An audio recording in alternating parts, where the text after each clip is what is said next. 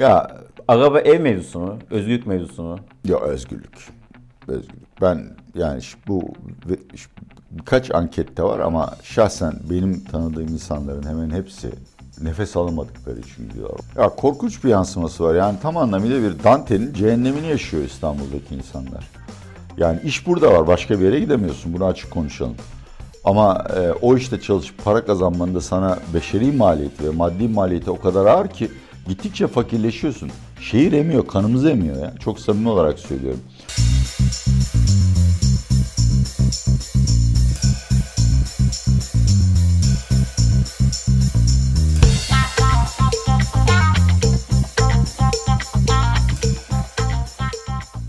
Atilla Bey, özel bir bölümle karşınızdayız. Çok güzel. Size bir soru soracağım. Orta sınıf nedir? Kimdir orta sınıf? Orta sınıf burjuvadır. Orta sınıf toplumun bel kemiğidir. Denge unsurudur. Klasik kapitalist ekonomilerde işçi sınıfıyla sermaye sınıfı arasında denge görevi yapar. İş aralarında işçiler de olabilir ama genelde özelliği e, orta sınıfın beyaz yakalılardan ve yüksek ücret kazanan, teknik hizmetler yapan mavi yakalılardan oluşmasıdır. Eğitim var mıdır bunun içinde? Eğitim seviyesi yok mu? Vardır. Tabii ki var. Çünkü yani şimdi bütün bu söylediklerim hiçbirinin Türkiye için anlamı yok. Çünkü bütün dengeler tersine döndü. Yani biz böyle ters bir piramit gibiyiz ama tabii yani pek çok toplumda yükselmenin en kolay yolu eğitim almak, kendi çocuğunuzu eğitmek ve eğitimli insanlar da daha iyi iş bulurlar, daha kolay iş bulurlar, daha yüksek ücretli işler bulurlar. Dolayısıyla eğitim orta sınıfın en önemli özelliklerinden biridir. Bizim de e, izleyici profilimizde orta sınıf çok muhtemel. Çünkü en çok onlarla ilgili e, yayınlarımız izleniyor. Size çok soru geliyor orta sınıf. Ne yapacak, ne yapsın? Çünkü biliyorsunuz son dönemin en büyük mağduru belki de orta sınıf. Önce onu sorayım. E, Türkiye'de orta sınıfın son 5 senelik e, geri- gerilemesi nasıl değerlendiriyorsunuz? Bu bir politik bir tercih diyenler de var. Çünkü yoksa yanlış politikanın bir sonucu mu? Şimdi orada evet bir sosyolojik, sosyosiyasi e, şey var, e, teori var. O da şu. Erdoğan bilinçli olarak orta sınıfı dağıtıyor ve alt sınıf kademesine indiriyor. Çünkü böylece onları da sosyal güvenlik yardımlarına bağımlı hale getirerek seçmenleri müşteri haline getirecek. Gerçekten de bu yani başka çaresi olmayan düşük gelirli ve daha çok Anadolu'nun ortalarına, diplerine sıkışmış insanların AKP'ye siyasi sadakatinin çok yüksek olduğunu görüyoruz. Ama bu bir teori, ispatlanamaz. Yanlış politikalarla Türkiye'nin bu hale getirildiğini, orta sınıfın istemsiz olarak hem üst sınıf hem de devlet tarafından kemirildiğini söylemek daha makul geliyor bana. Çünkü AKP'nin ve Erdoğan'ın yani 2015'e kadar icraatına baktığımızda genelde zenginleştirici politikalar izliyorlardı. Peki dünyaya baktığımızda orta sınıf ve demokrasi arasında bir ilişki var mı? Yani şunu demek istiyorum. Orta sınıf güçlüyse demokrasi daha güçlü veya demokrasi güçlüyse orta sınıf daha güçlü gibi bir korelasyon var mı ikisi Var. arasında? Bir yani orta sınıf statüs quo'yu, istikrarı, eski düzeni korumayı sever. Dolayısıyla radikal akımlara daha az oy verir. Dengeleyici rolündedir. Dediğim gibi yani sürekli bir işte bu Karl Marx'ın tarif ettiği işçi sınıfı ile sermaye sınıfı arasındaki sürekli çatışmada bir ara göv, ara bölüm görevini yapar. Ama başka bir şey daha var ve ben bu yüzden de Türkiye'ye dahil gelişmekte olan ülkelerin geleceği hakkında hiçbir zaman iyimser olamadım. O da şu. Gelişmekte olan ülkeler, Türkiye'de buna dahil 2000'lerin başından itibaren yüz milyonlarca insanı çektiler. Alt sınıftan orta sınıfa getirdiler. Yani dünya standartında orta sınıfa getirdiler. Ama orta sınıfın belli beklentileri var. Orta sınıf üretken ve eğitimli ve üretmesi karşılığında da siyasette söz hakkı istiyor. Gidip sadece oy vermek yetmiyor. Yani benim beklentilerime göre yönetilsin Türkiye diyor. Ve tabii ki e, o düşük gelirli ülkeler orta gelir düzeyine çıkarken e, demokrasi kuralları çok önemli değildi ve pek çok yerde de yoktu zaten. O süreç zarfında gücü eline geçiren çok dar bir siyasi kesimde o gücü bırakmak istemiyor. Bu ikilem, bu çatışma çözülmedikçe de gelişmekte olan ülkeler kalkınamaz. Türkiye'de de aynı şey geçerli. Yani ben burada Mehmet Şimşek'i, Gaye Erkan'ı, Cevdet Yılmaz'ı kanımın son damlasına kadar savunacağım ama oyunun sonunda ne görüyorsun dersen oyunun sonunda belki işte hani cari açığın sorun olmadığı %10 enflasyonla yaşadığımız iki yıl yani Sayın Erdoğan başta oldukça Türkiye'nin kalkınıp orta sınıfın kendini telafi etmesine imkan yok. Gittikçe de ağırlaşan ekonomik konjonktürden bağımsız olarak orta sınıfı ciddi boyutta daraltan ve beyin göçüne zorlayan koşullarla karşı karşıyayız diye bir atayım şöyle bir oltayı belki. Peki sizce o sizce orta sınıf neden gidiyor? Gidebilenler, gitmeyi daha çok isteyenler. Ya Araba ev mevzusu mu? Özgürlük mevzusu mu? ya özgürlük.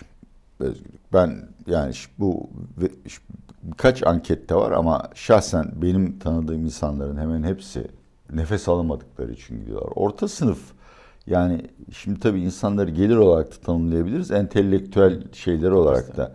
Ama genelde kentler siyasete daha angajedir. Çünkü onları daha yakından şey yapar ve Türkiye'de siyasete angajeyseniz yani bize yapılan hoyratlığı ve nobranlığı görmemenin imkanı yok. Ve bu insanlar bu ortamda üretemedikleri için kaçmayı tercih ediyor. Ben çok iyi biliyorum yani Kanada'da, Amerika'da, Avrupa'da yüz binlerce Türk mutsuz hayatlar yaşıyorlar. Ha bir de çok şey var yani artık Türkiye'de veyahut da dünyanın hiçbir yerinde ekonomik olarak başarı kazanamayacak durumda olup Meksika sınırından göç Tabii. etmeye çalışanlar falan var. Ama niye daralıyor orta sınıf e, bu bunun şeylerini?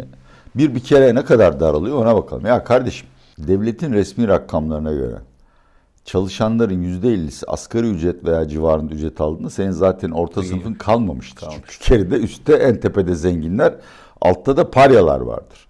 Ve bu oran gittikçe artıyor. Yani bugün bir mühendisin asgari ücretin 3-4 bin liraya fazlasına, genç bir doktorun 5-6 bin lira fazlasına şey yaptığı bir ortamdan bahsediyoruz. Yine OECD araştırmaları var. Türkiye OECD içinde üniversite mezunları, ilkokul mezunları arasındaki maaş farkının üniversite mezunları aleyhine kapandığı tek Peki. ülke. Neden böyle oluyoruz? Çünkü bu ülkede demokrasi yok. Demokrasi olmadığı için, hukuk olmadığı için hiçbir iş insanı yatırım yapmıyor. Yatırım yapmadığı zaman da bu yeni teknolojinin nimetlerini iş dünyasına yansıtamıyorsun.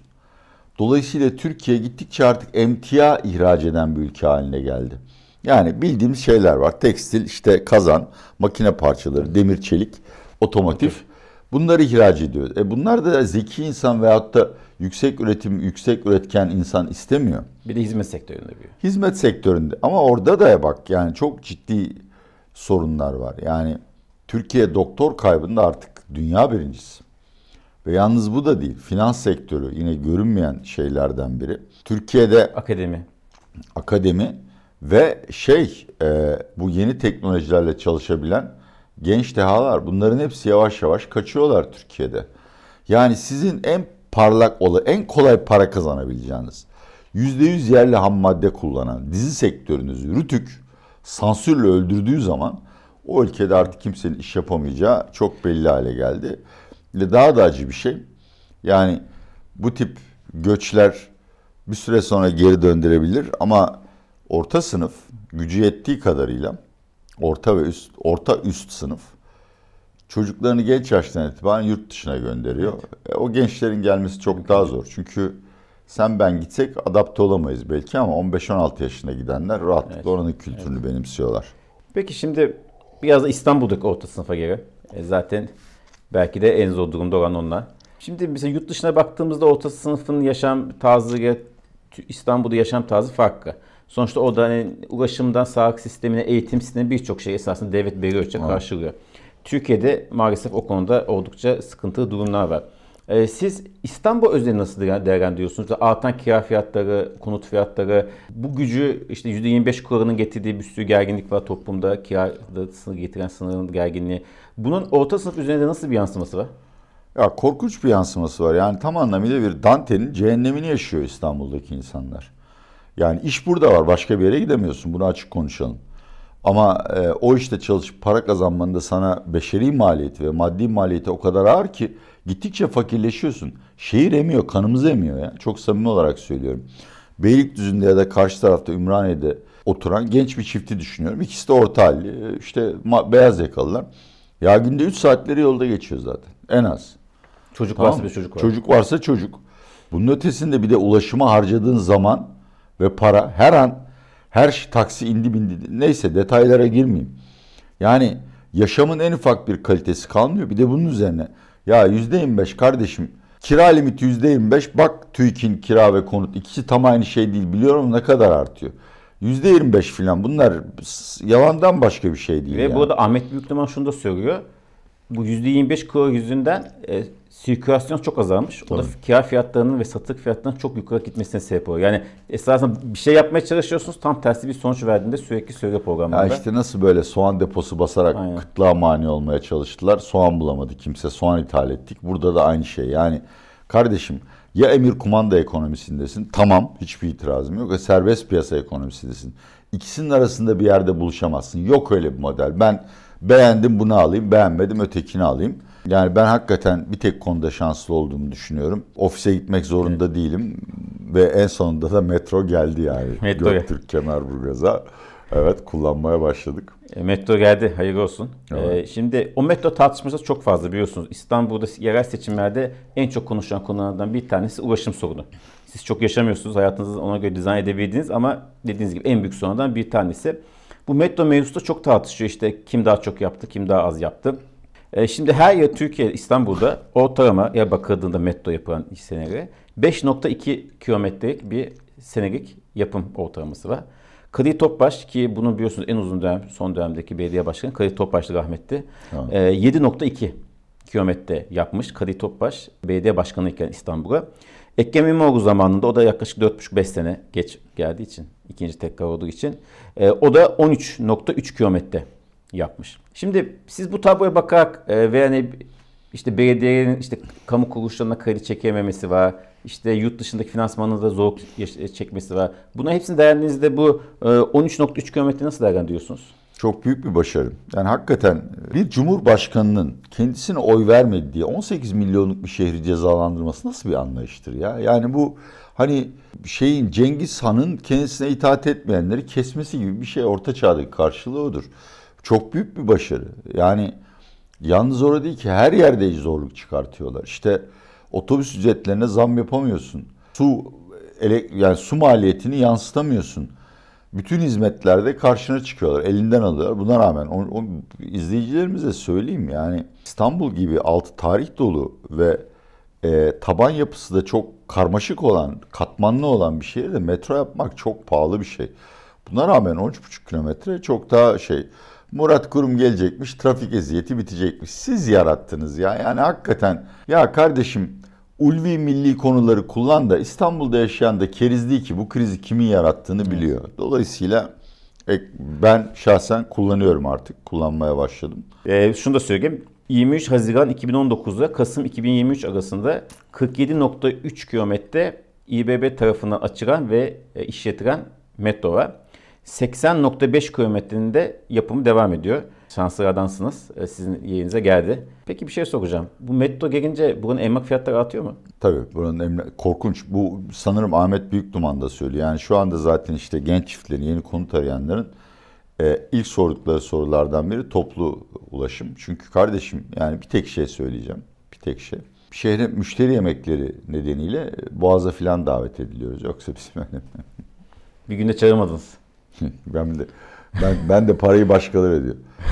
Eşim sürüyordu arabayı. iki buçuk saatte gittik Göktürk'ten Ortaköy'e. İki Oo, buçuk saat. çok da uzak İki mesafe değil saat. yani. Yani ben hakikaten dua ediyorum. Yani bir metro bağlantısı var. O da yapıldığında e, şuradan aşağı yürüyeceğim, metroya bineceğim ve şehri gezebileceğim eşimle birlikte. İlk önce Eskişehir'e yani Sirkeci'ye gitmeyi planlıyoruz. Peki siz kendiniz orta sınıf mı bakıyorsunuz? Özel Biz- bir soru oldu kusura bakmayın. Yok hayır ben zenginliğim, ben zenginliğim konusunda her zaman çok açık oldum yani. E zaten vergi dairesi de bildiği için ne kadar zengin olduğumu. Ben ve kıymetli eşim biz ultra zenginlerin bir tık altındayız. Bir tek ha, şu Davos'a gideme. Yani işte son yaptığım hesaba göre henüz kesin değil çünkü 2023 milli gelir rakamları açıklanmadı. Bizim ailemizin ve bağlı holding ve iştirakların geliri kişi başı milli gelirin 50 katı filan. Ama biz e, yaşam tarzı olarak fevkalade gördüğün gibi mütevazi orta sınıf. Bu yalnız şaka değil. Bu bir iki cümle söyleyeyim kapatayım. Hangi şaka değil? İyi katı oldu mu? Öyleyse destek atın bizim mesele ekonomiye. Yok biz iyi kazanan insanlarız ama zengin değiliz. Yani şu, ben aradaki fark orta sınıf değil, Orta. işçi sermaye sınıfı olarak görüyorum. Ben bir işçiyim. Çünkü ben çalışarak kazanıyorum. Sermayemi yemiyorum. Dolayısıyla işçi sınıfının parçasıyım ve onun ideolojik felsefesine Gülecektin de gülmedin. Şunu sormak istiyorum. Şunu, sadece şunu istiyordum. Evet orta sınıfım demenizi istiyordum. Çünkü şundan. Ama hayır davranışsal olarak orta sınıf. Evet davranışsal kesin orta evet. sınıf. Benim de gözlemlediğim o. Nasıl yani? Sen ne demek istiyorsun? Hayır, gö gözlemlediğim o. Şunu sormak istiyorum. Ben konuya dönerim bak. Lütfen. Şunu, şunu sormak istiyorum. Sizin gençliğinizde orta sınıf Sizin gençliğinizde orta sınıf ev, araba gibi e, hayalleri vardı. Bunları alma planları vardı ve hatta arıyordu. Yani benim kendi anne babam için de e, görüyorum onu.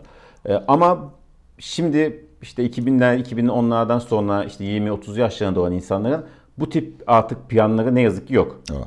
E, orta sınıfın belki de en çok taktığı konulardan birisi bu. Yani çalışıyoruz, sana da para kazanmıyoruz, eğitimimiz değil. Ama ev almayı bırak, araba hatta arabayı bırak servise bir yakında para yetmiyor konumuna evet. gelmek üzere.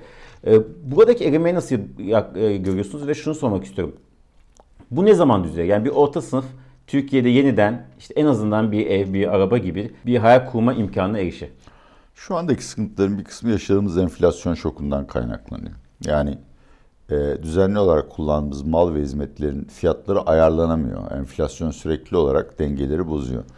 O Mehmet Şimşek'e kısmet verilirse, şans verilirse bir iki yıl içinde çözülür. Ama orta sınıf küçülmeye mahkum. Büyümez sana sebebini anlatıyorum. Yani bizi 2000'de 3000 dolar kişi başı gelirden 12 bin dolara taşıyan sürecin adı toplam girdi verimliliğinin artmasıdır.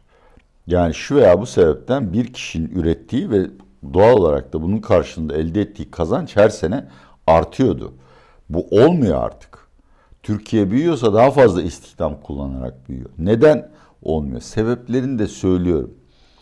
Siz 3000 dolarlık bir ekonomisiniz. Kuru üzüm, fındık ve basit tekstil ürünleri ihraç ediyorsunuz. Kardeşim sizi şeytan yönetsin, demokrasi yönetsin ya da demokrasi yönetsin. Bir şey fark etmiyor. Sonuçta insanları dövüp çalıştırıyorsun. 6 bin 7 bin doları geçtiğinde insanlar artık bir şeyler istiyorlar. Ekonomi milli bireysel kişi başı milli gelir arttıkça ekonominin komplikasyonu da artıyor daha komplike hizmetler ve ürünler üretmeye başlıyorsun. Ama bütün bu ürünlerin içinde telif hakları ve fikri mülkiyetler var. Ve bir kere bunlar bir ekonomik yapının içine girdiğinde adalet ve sözleşme düzeninin kusursuz çalışması lazım. Aksi halde kimse hiçbir şey öğretmez. En ufak bir fikri olan yurt dışına kaçar çünkü orada telif koruması var. Veyahut da çok ihtiyacınız olan sizin katma değerli üretim yapmanızı sağlayacak olan teknolojileri Türkiye'ye getiremezsiniz. Bu yüzden bu yüzden asla orta sınıf büyümeyecek. Ha arabaya kavuşur. Ev o biraz daha zor bir şey. Ee, İstanbul'da muhtemelen yok. Öyle bir şey bir nesil için bitti. Ama en önemlisi bütün anketlerde görüyoruz. Erdoğan'ın bizden çaldıklarının listesi saatler sürer. Ama çok güzel bir şey söyleyeyim. Gençliğin umudunu çaldı. Dedem, babam, ben ve oğlum hep ben bir önceki nesilden daha iyisini başarabilirim. Bu imkan vardır, bu ortam vardır düşüncesiyle büyüdü. Ben anketlerden görebildiğim kadarıyla yeni neslin ben annemle babam kadar bile kazanamayacağım, onların hayatını yaşayamayacağım kaygısı içinde olduğunu görüyorum.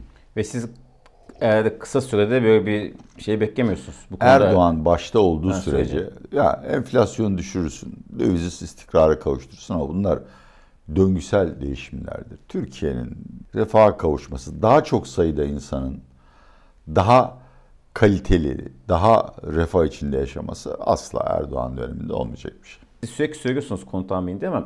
Yine bugün de çok sorulmuş. İşte ne zaman ev alırım, seçim bekleyeyim mi, seçim beklemeyelim mi?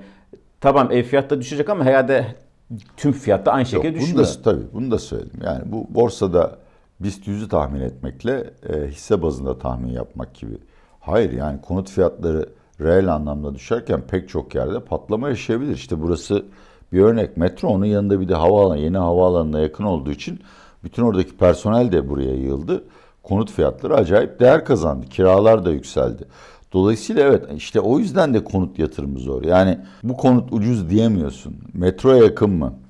Altyapı hizmetleri nasıldır? Belediye iyi çalışıyor mu? Kamulaştırılma tehlikesi var mı? Kentsel dönüşüme girecek mi? Bu nedenlerle profesyonellere ait bir iştir.